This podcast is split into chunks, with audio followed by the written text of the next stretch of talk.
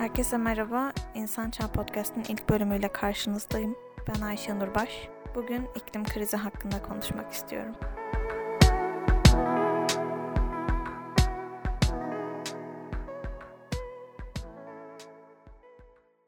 Ben 17 yaşındayım.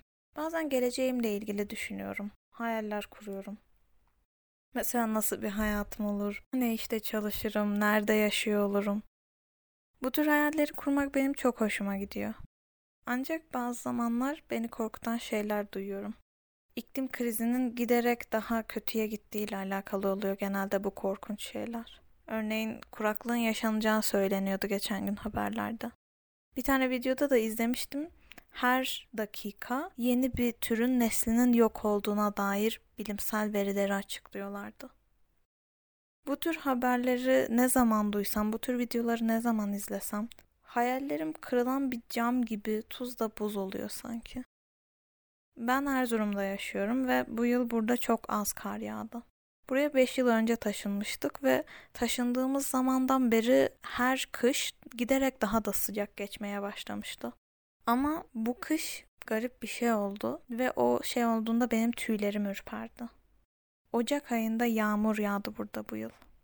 Eskiden kış aylarında yağmur yağsa bile 1-2 dakika içinde hemen kara dönüşüyordu çünkü hava çok soğuktu. Ama bu sefer yağmur durmadı. Uzun uzun yağdı. Ve bunu inanın hiçbirimiz beklemiyorduk.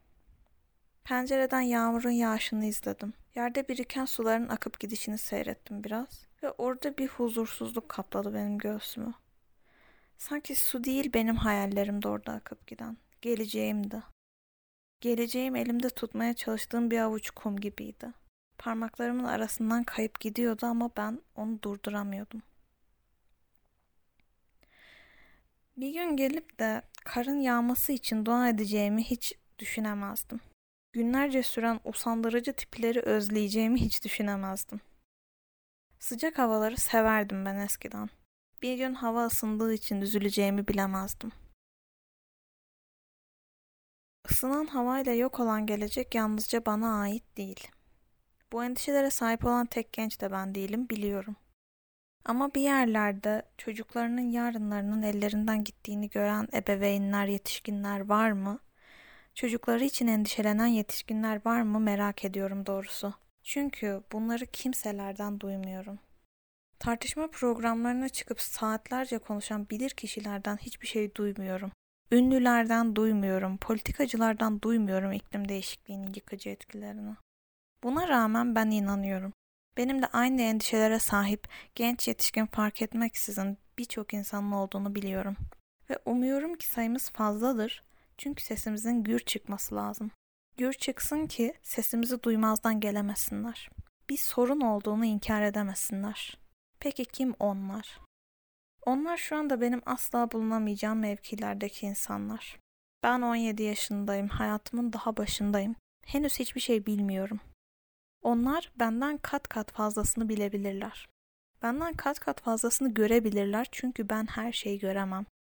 Benden kat kat fazlasını görebilen, kat kat daha fazla güce sahip olabilen bu insanlar neden hiçbir şey yapmıyor o zaman? İklim krizi neden bir sorun sayılmıyor? İklim krizi öyle bir sorun ki bir neslin rüyalarını elinden alıyor, geleceğini, yaşama hakkını elinden alıyor. Hani hep diyorlar ya o güçlü insanlar, bizim işimiz halkımıza hizmet etmek, onları refaha ulaştırmak diye. Tamam işte bizi refaha ulaştırın. Refah yalnızca sürekli ekonomik büyümeyi sağlamak değil. Aksine ekonomik büyüme dünyamı tüketmek pahasına gerçekleşecekse istemiyorum. Ben üzerinde yaşayacağım bir gezegene ihtiyaç duyuyorum. Kaynakları tükenmemiş, dengeleri bozulmamış sağlıklı bir gezegene. Bana yalnızca bunu verin, lütfen. Biliyorum ki benim burada tek başıma bu kaydı yapmam hiçbir yerde hiçbir şeyi değiştirmeyecek. Ben 17 yaşında bir kız çocuğu olarak bir ülkenin yenilenebilir enerjiye yatırım yapmasını sağlayamam. Ben tek başıma bir ülkenin sürdürülebilirliği ekonomik yapısına entegre etmesini de sağlayamam. Ben tek başıma iklim acil durumunun ilan edilmesini sağlayamam.